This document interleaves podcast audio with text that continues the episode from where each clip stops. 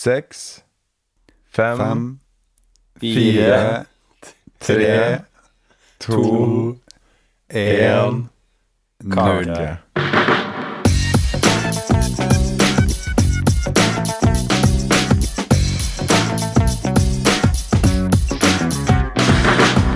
Du hører på Psykologlunsj, populærvitenskapelig lunsjprat med psykologene Tommy, Jonas og Jan Ole.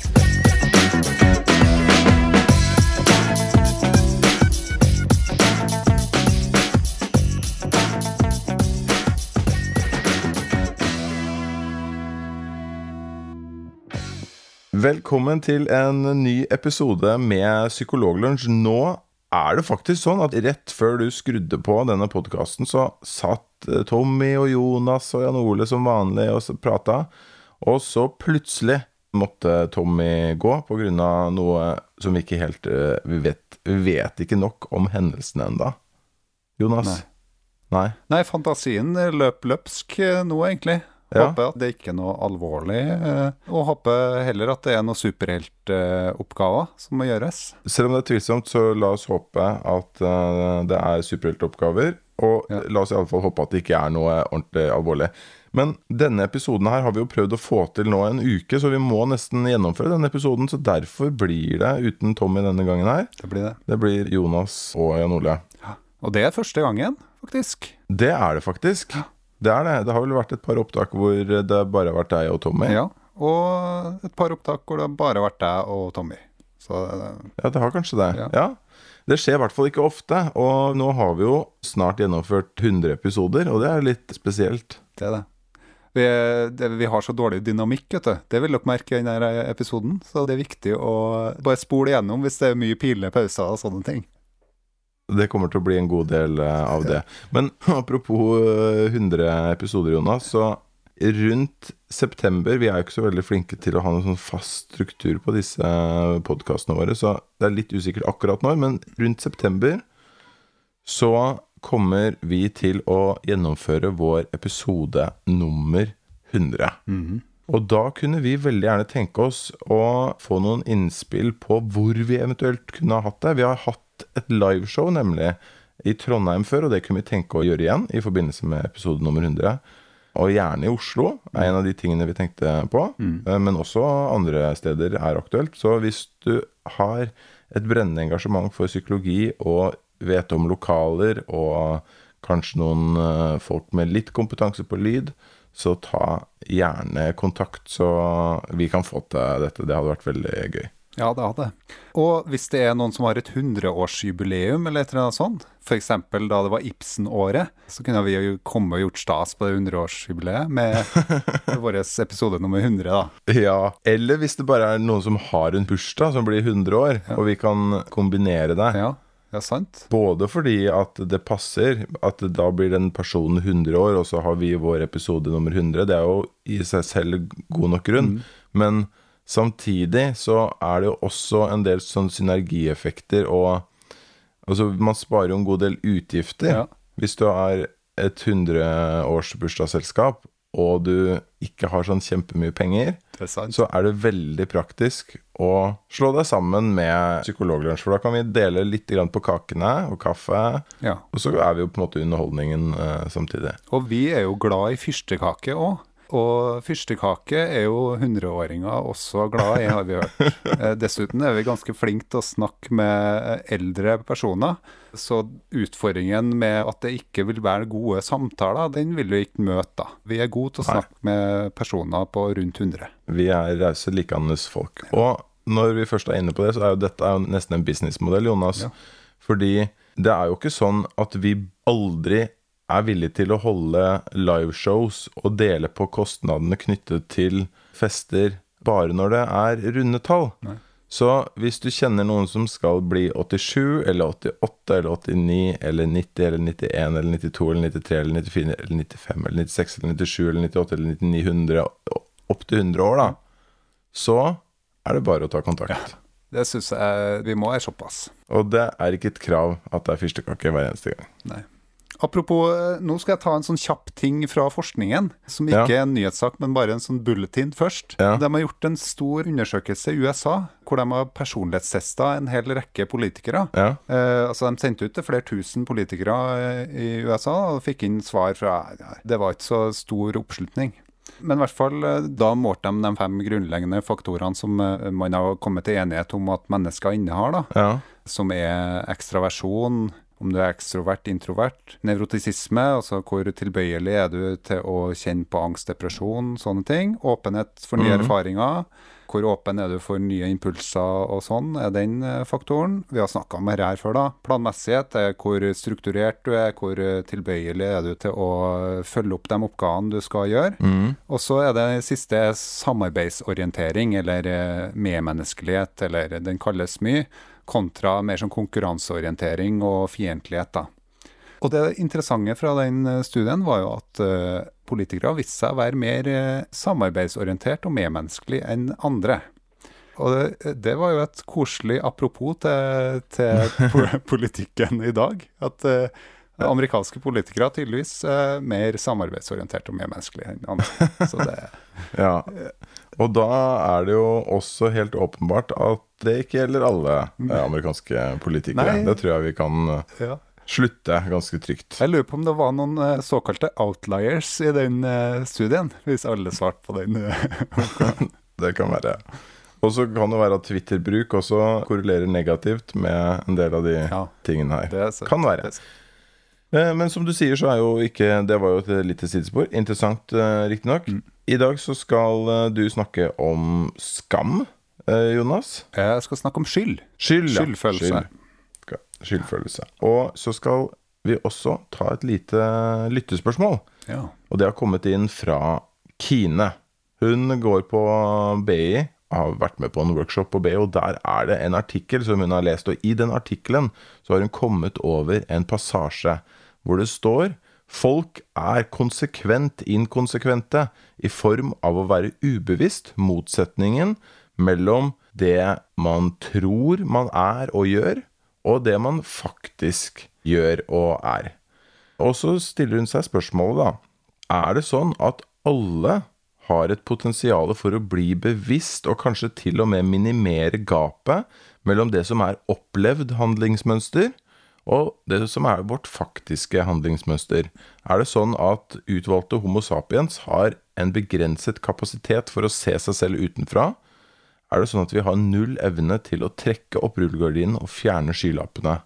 Det, skriver hun, har hun tenkt usaklig mye på i sitt virke, og hun vil gjerne høre hva vi tenker om det. Og så avslutter hun også med å si at hun ønsker oss som et daglig radioprogram, helst på P2. Mm. Vi vil jo gjerne ha et eget radioprogram på P2, men vi føler jo at vi er vesentlig mer et sted mellom P3 og NRK Super. Vi er det. Eller P13, kanskje. Hvis vi hadde litt rockmusikk, så hadde vi passa på P13. Rock'n'roll, tenker du Ja. på? Rock'n'roll. Ja. Chuck Berry og, og kjente rockemusikere. Buddy Holly. Buddy Holly. Yes. Ja, det var trist. Jeg gråt den dagen Ja. Da det gikk så ille med han. Da han satte seg på det flyet med han eh, andre rockemusikeren. Men Det blir ikke P13 på oss, for å si det sånn. Nei, og det blir jo høyst sannsynligvis ikke P2 heller, med det første. Med mindre det blir veldig lite penger i P2, og de også er ute etter sånne synergieffekter som 100-årsjubilerende Ja. mennesker. Men tilbake til dette spørsmålet, Jonas. Ja. Er det sånn at vi mennesker kan se oss utenfra og For det er jo veldig ofte sånn, viser jo forskningen veldig tydelig, som vi har snakka om mange ganger i Psykologlunsj, òg, at det er ikke alltid sånn at vi gjør sånn som vi tror vi gjør, at vi tenker og gjør sånn som vi egentlig tenker at vi gjør. Nei. Spesielt sånn som med fordommer og sånn. Vi kan si nei, jeg, jeg forskjellsbehandler ikke menn og kvinner, eller jeg er fordomsfri og tenker ikke noe negativt om etniske minoriteter. Og så viser det seg kanskje at man har en del tendenser som gjør at man forskjellsbehandler litt likevel i en intervjusetting eller, eller i andre sammenhenger. Det er det masse forskning som har vist. Så er spørsmålet da, er det sånn, kan vi ta et skritt ut av det og overstyre det og identifisere disse tingene også selv. Eh, Og unngå dem. Hva tror du, Jo, Jonas? eh, altså jeg tror det er litt sånn som hun eh, som stiller spørsmålet sier, at eh, det er en utfordring å kunne vite hvordan du handler, da. Eller hvordan du oppfattes av andre. Det er jo kanskje heller det som er, er spørsmålet også. Fordi at uh, vi har jo en hel myriade av ting som foregår innvendig i oss inni hodet. Altså av type tanker, følelser, oppfatninger, sånne type ting som vi ikke deler med andre. Sånn at når vi gjør en handling, så det er jo den gjerne eh, assosiert med masse ulike tanker, følelser og sånne type ting som vi har hatt i forbindelse med den episoden. Mens de som ser handlingen, de som er utafor oss og observerer oss, de ser jo bare den handlingen vi gjør. Så det, de har jo liksom ikke tilgang til resten av de det tingene som foregår innvendig. Så jeg tenker at uh, vi er jo liksom skrudd sammen på en sånn måte at vi kan vekte sånne type ting litt ulikt. Og kanskje gå litt blind for hvordan vi oppfattes eller eh, fremstår for andre. Mm. Og så tror jeg at vi er veldig forskjellige i ulike typer settinger. Da. At uh, vi kan oppfattes på ulike typer måter i ulike settinger. Så jeg tror dem som er flinkest til å se seg sjøl utafra, det er dem som faktisk er flinkest til å snakke med andre og høre med andre om hvordan er det jeg blir oppfatta. Men tenker du at det, En ting er hvordan man blir oppfattet, men hun snakker jo litt om det her eh, forskjellen mellom hva du tror at du gjør, hva som er typisk for deg, og hva du faktisk gjør. Mm. Ditt eget bilde av deg selv. Og vi har jo snakket mye om sånne tendenser i vurderingene våre. At vi liksom bekrefter våre egne standpunkt, har vi en tendens til å gjøre. Vi vurderer vår egen gruppe som litt bedre enn andre grupper som ikke er medlem av. Mye sånne automatiske tendenser hos oss mennesker. Og er jo spørsmålet kan man dempe eh, eller skru av de tendensene? Sånn tolker jeg henne, at eh, det er det hun lurer på, da. Ja. Hva tror du? Det tror jeg du til en viss grad kan gjøre så lenge du vet om de tendensene, og er dem bevisst, og kanskje er litt sånn erkjenne overfor deg sjøl at du har som alle andre, så har man sånne type tendenser. Da. Kanskje til å overvurdere enkelt type informasjon, eller konkludere litt raskt i forbindelse med enkelte beslutninger som skal gjøres. Så hvis man har evnen til å stoppe seg sjøl litt før man eh, tar en beslutning eller gjør en handling, altså hvis man eh, trener seg på det, så kan man til en viss grad få til det, tror jeg. Enn du? Hva tror du? Jo, altså, jeg tenker Disse tendensene de er jo der av en grunn. Mm. Vi er jo skrudd sammen sånn fordi at eh, det er veldig effektive måter å ta beslutninger på. Altså vi Alle de tendensene er der for å spare oss for tid. Vi kan ikke sette oss ned og samle inn masse informasjon hver gang vi skal ta den minste beslutning. Vi trenger å ta beslutninger raskt. Og da tar vi noen sånne snarveier som at eh, vi baserer oss mye på fordommer, for eksempel, og liksom automatiske antagelser om andre mennesker. Og det skal ikke være lett å overstyre det. Det er jo der nettopp fordi at det ikke skal være enkelt. Det blir litt sånn som med sultfølelse. Det er jo der for å sørge for at du får i deg mat. Og det skal ikke være lett å overstyre det. Og alle som har eh, prøvd å slanke seg, de har opplevd at det er vanskelig å overstyre de tendensene. Og det er interessant fordi Daniel Kahneman, som har skrevet boken 'Tenke fort og langsomt', som vi har nevnt her flere ganger, han tar opp det spørsmålet helt til slutten av boka si. Så har han skrevet om alle disse tendensene, og så sier han at han ofte får spørsmålet 'Hva kan man gjøre for å ikke gå i alle de fellene'? Og da er svaret hans at det er lite som kan gjøres uten å legge ned betydelig innsats i det. Også at han selv, etter 50 år med forskning på dette, har blitt veldig mye flinkere til å identifisere at Eller plukke opp når andre går i de fellene, men ikke blitt noe særlig bedre til å unngå de selv, da. Nei. Og det kan jeg godt kjenne igjen. Altså, du kan jo ha en tendens til altså, Dess mer du blir bevisst eh, de her fenomenene, så har du mer et språk for det i etterkant. Og da kan du begynne å rasjonalisere dine egne handlinger, eller prøve å lage deg en god, sånn fin eh, teoretisk modell for hvorfor du handla sånn som du gjorde. Og det tar jeg meg sjøl ganske ofte i, altså. At jeg tar egentlig en beslutning som er mer sånn, hvis du skal bruke folkespråket, mer sånn uh, magefølelsesbasert, da. Mm. Og så etterpå så lager du en sånn uh, lang utgreining overfor deg sjøl om hvorfor du gjorde som du gjorde, og at det var en fornuftig beslutning uansett. ikke sant? Ja. F.eks. innkjøp av bil, eller eller hvorfor du valgte å ikke dra sånn som jeg. da, eh, Jeg hopper over servicen på bilen min innimellom. og sånn. Det er egentlig ikke en sånn fornuftig beslutning, men det er som er basert på at, eh, at jeg kunne tenkt meg å bruke pengene på noe annet. Så, Ja, men det er nyttig, så det gir deg et språk for de dårlige beslutningene du tar. Er det du sier? ja, det er det. Men en annen ting som han Daniel Kahneman sier, da, og som jeg tenker kanskje er det aller viktigste i de situasjonene her, er at det, han sier at bedrifter og organisasjoner, og når det er snakk om grupper av mennesker, da er det mye lettere å demme opp for disse tendensene våre, og, og sørge for at det ikke skjer så ofte. Fordi i organisasjoner og bedrifter så tar beslutninger lengre tid, for det er flere involvert, det skal gjennom flere ledd, og du kan iverksette kontrollmekanismer og sjekkpunkter som gjør at eh, det demmes opp for deg. For eksempel, da, ta et eksempel fra min jobb. Ekstrastiftelsen, hvor jeg jobber, deler ut rundt 250 millioner kroner i året til helseprosjekter og til helseforskning i Norge. Og de pengene deles ut ved at man søker om eh, midler til forskningen sin, f.eks., som du, Jonas, gjorde da du Ja. eh, fikk penger fra Ekstrastiftelsen. Ja. Og da skal jo den søknaden skal jo vurderes av noen Ja. i andre enden. For om den er en bra søknad eller ikke, om du skal få de pengene. Og når man vet om alle disse rare feilene og fellene som vi går i, helt naturlig, vi mennesker, sånn som at det er lett å like eh, Kanskje det er f.eks. at menn blir foretrukket. Det finnes litteratur som viser at eh, menn blir litt foretrukket i forskningssøknader. Eller at eh, det er noe med fagområdene som gjør at man har en tendens til å løfte de litt for mye opp, eller ikke innvilge. Så kan man sørge for at disse vurderingene blir gjort på en sånn måte at de tingene ikke blir vektlagt. Man kan sørge for å blinde det. F.eks. man kan ha flere som vurderer søknaden samtidig, sånn som vi har, uavhengig av hverandre, for å dobbeltsjekke at det er en enighet om hvem som skal få midlene. Man kan sørge for å blinde de som skal vurdere søknaden, altså at de ikke vet hva slags kjønn det er, f.eks. Ja. Og det har man gjort i flere sammenhenger med stort hell. At man har uh, også strøket ut navnet på personen, sånn at ikke navnet, hvis det er et utenlandsklingende navn f.eks., at ikke det skal være med i, betraktningen. Det har jeg eh, veldig tro på, da. Ja, og så Det du ikke nevner i den sammenhengen, er jo òg at de som gjør vurderingene, sitter hver for seg.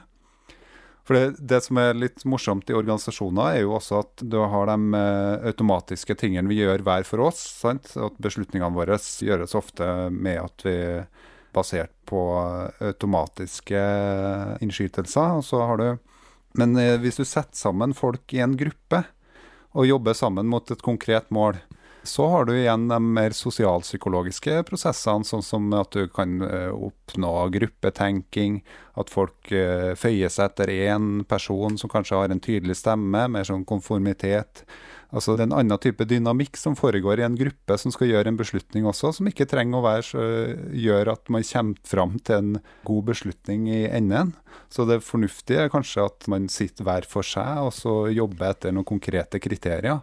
Og så møtes man etter at man har gjort en konkret vurdering, og så skal man diskutere det i etterkant. For hvis man starter helt fra scratch og skal jobbe sammen i gruppe, så er det masse andre typer prosesser som spiller inn, som ikke trenger å være så bra eller. Det er et veldig godt poeng. Så som du hører da, Kine, så er jo dette er et ganske stort eh, felt, og mange som tenker på dette i psykologien. Og poenget er vel egentlig at dette er jo så inngrodde tendenser at eh, det krever ganske mye å overstyre det. Det skal det også gjøre.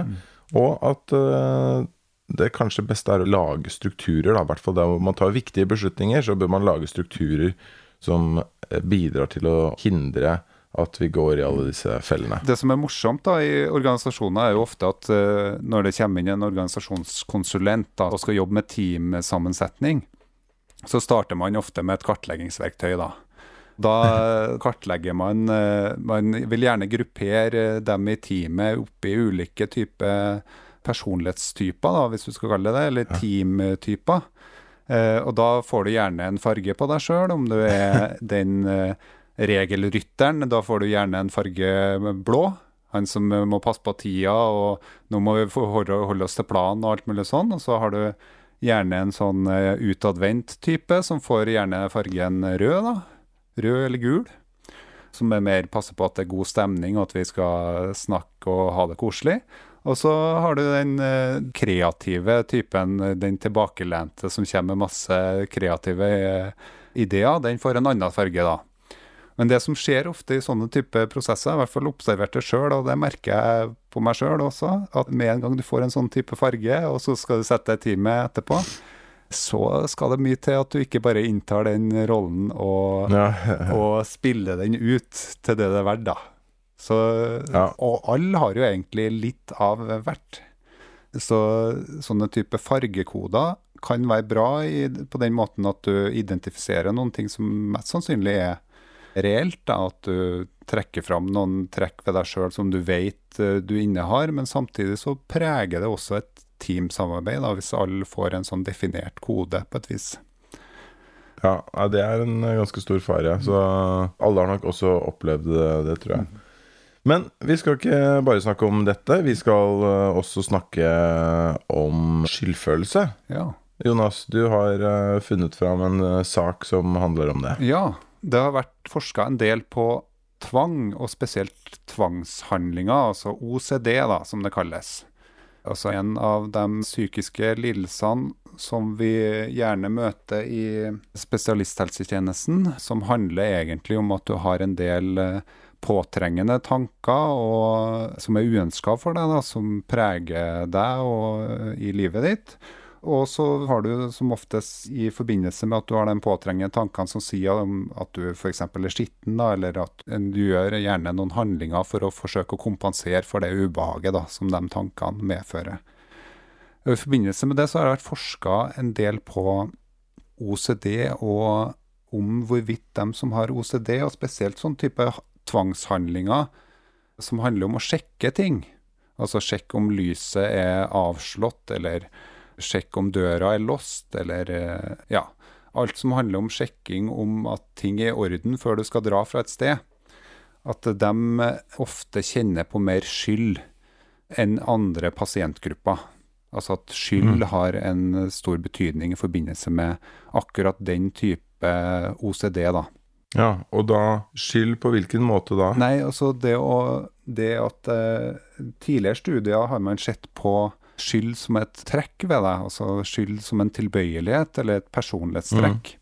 Mm. Altså Teorien har gått på at de med OCD, og spesielt de som driver med sjekkeatferd, de er mer tilbøyelige til å kjenne på skyld enn andre. Ja, Så det er snakk om å kjenne på Eller Eh. oppleve skyld enn andre. Ha, ja, ha en følelse av at man har skyld i noe, eller at man Mm. Ja. eh, Og ikke frykten for at man skal få den skyldfølelsen. Skjønner du forskjellen? Ja.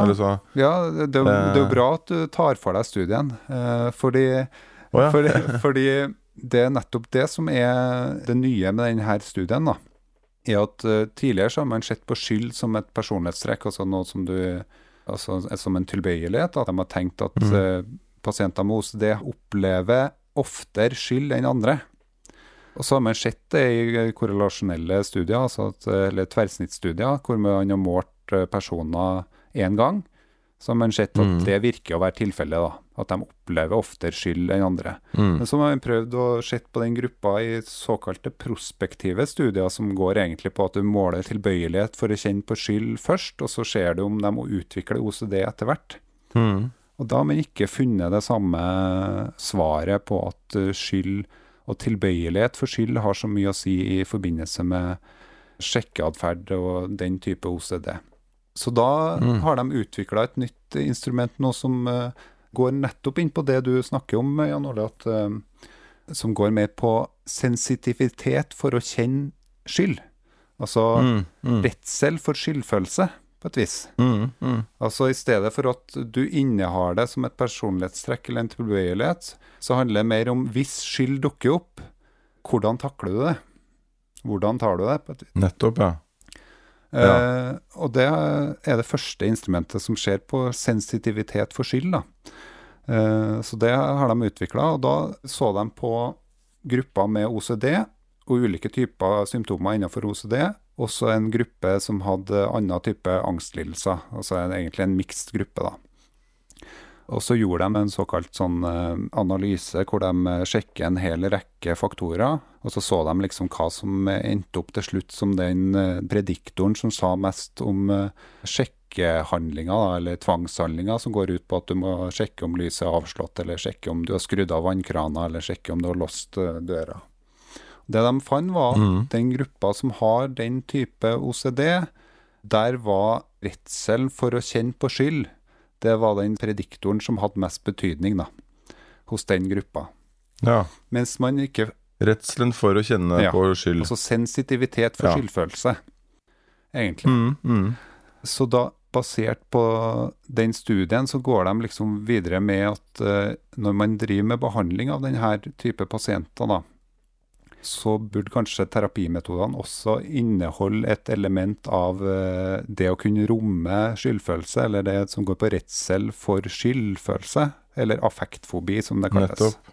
Ja, for det er interessant, fordi veldig ofte så er det jo, eller en god del, har sikkert fokus Mm. på det eh, allerede. Men eh, veldig ofte så tenker man seg jo kanskje å ha litt fokus på hva som kommer til å skje hvis du ikke gjør det i handlingene. Altså mer de farefulle konsekvensene av det, og da ikke skyldfølelsen som du kan få, men at huset brenner ned, eller at hvis døra ikke er låst, at noen kommer og stjeler ting.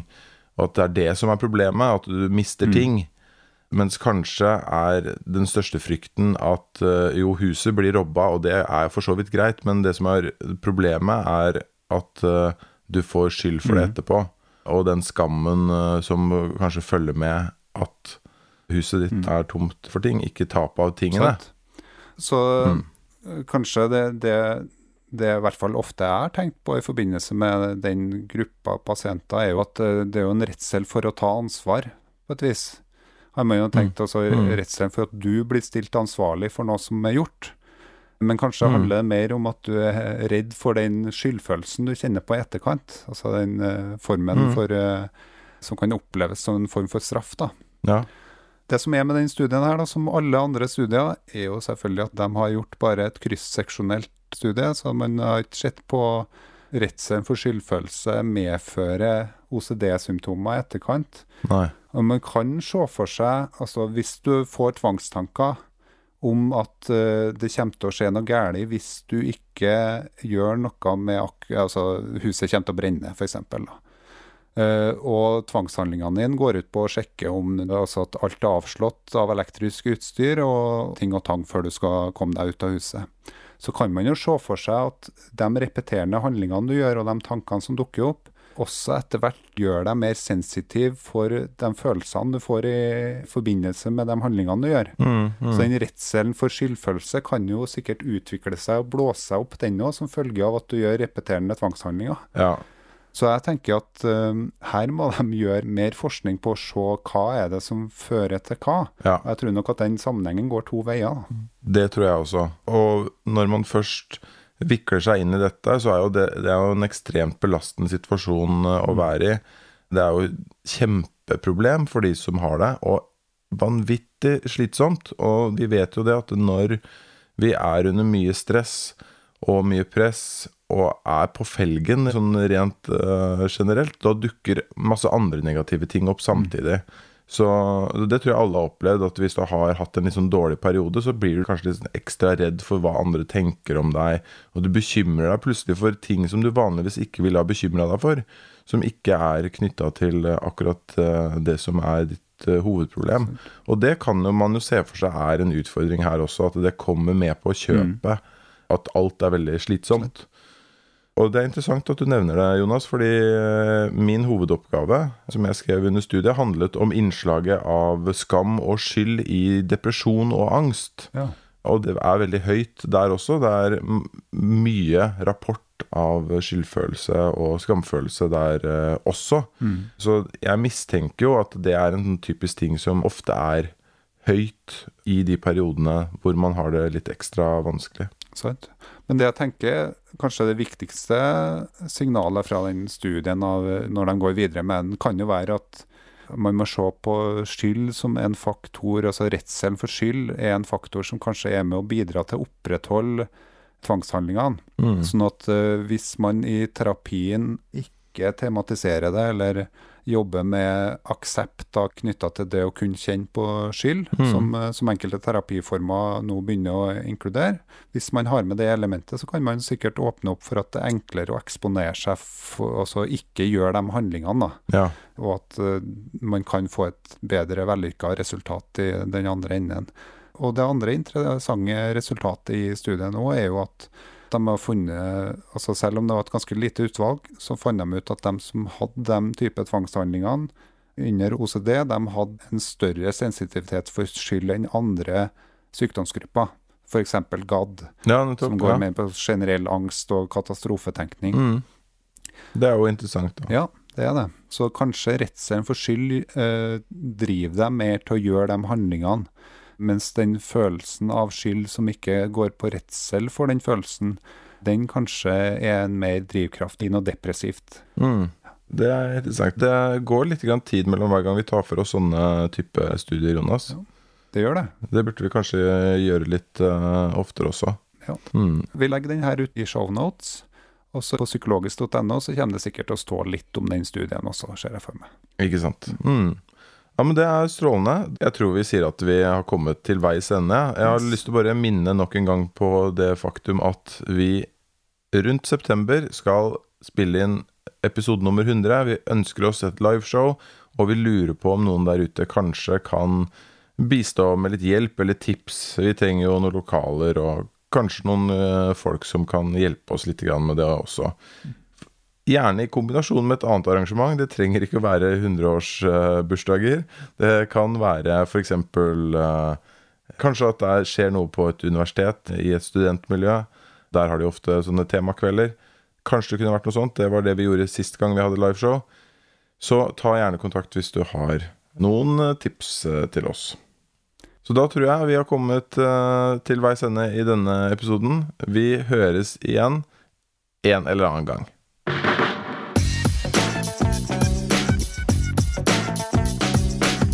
Du har nå lytta til Psykologlunsj. Har du noen spørsmål, kan du søke opp Psykologlunsj på Twitter, eller du kan sende en e-post til psykologlunsj alfakrøll.gmail.com. Mer informasjon om temaet du har hørt i dag, finner du på psykologibloggen.no og tankesmed.no.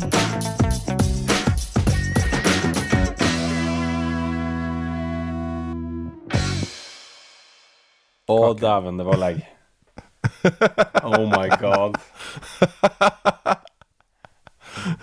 Men det var bra, Jeg tror vår gamle, gamle metode Å, bedre. Jesus. Det der var jo bare Det var jo bare tull. Det, det var sånn som den Igno Bedre-greia med den noise cancelling-greia. Har du ikke hørt om den?